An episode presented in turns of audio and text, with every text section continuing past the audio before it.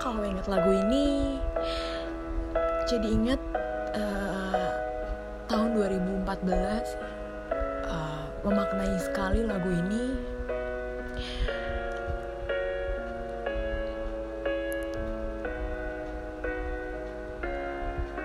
Lagu ini penuh makna. Terima kasih kakak Glenn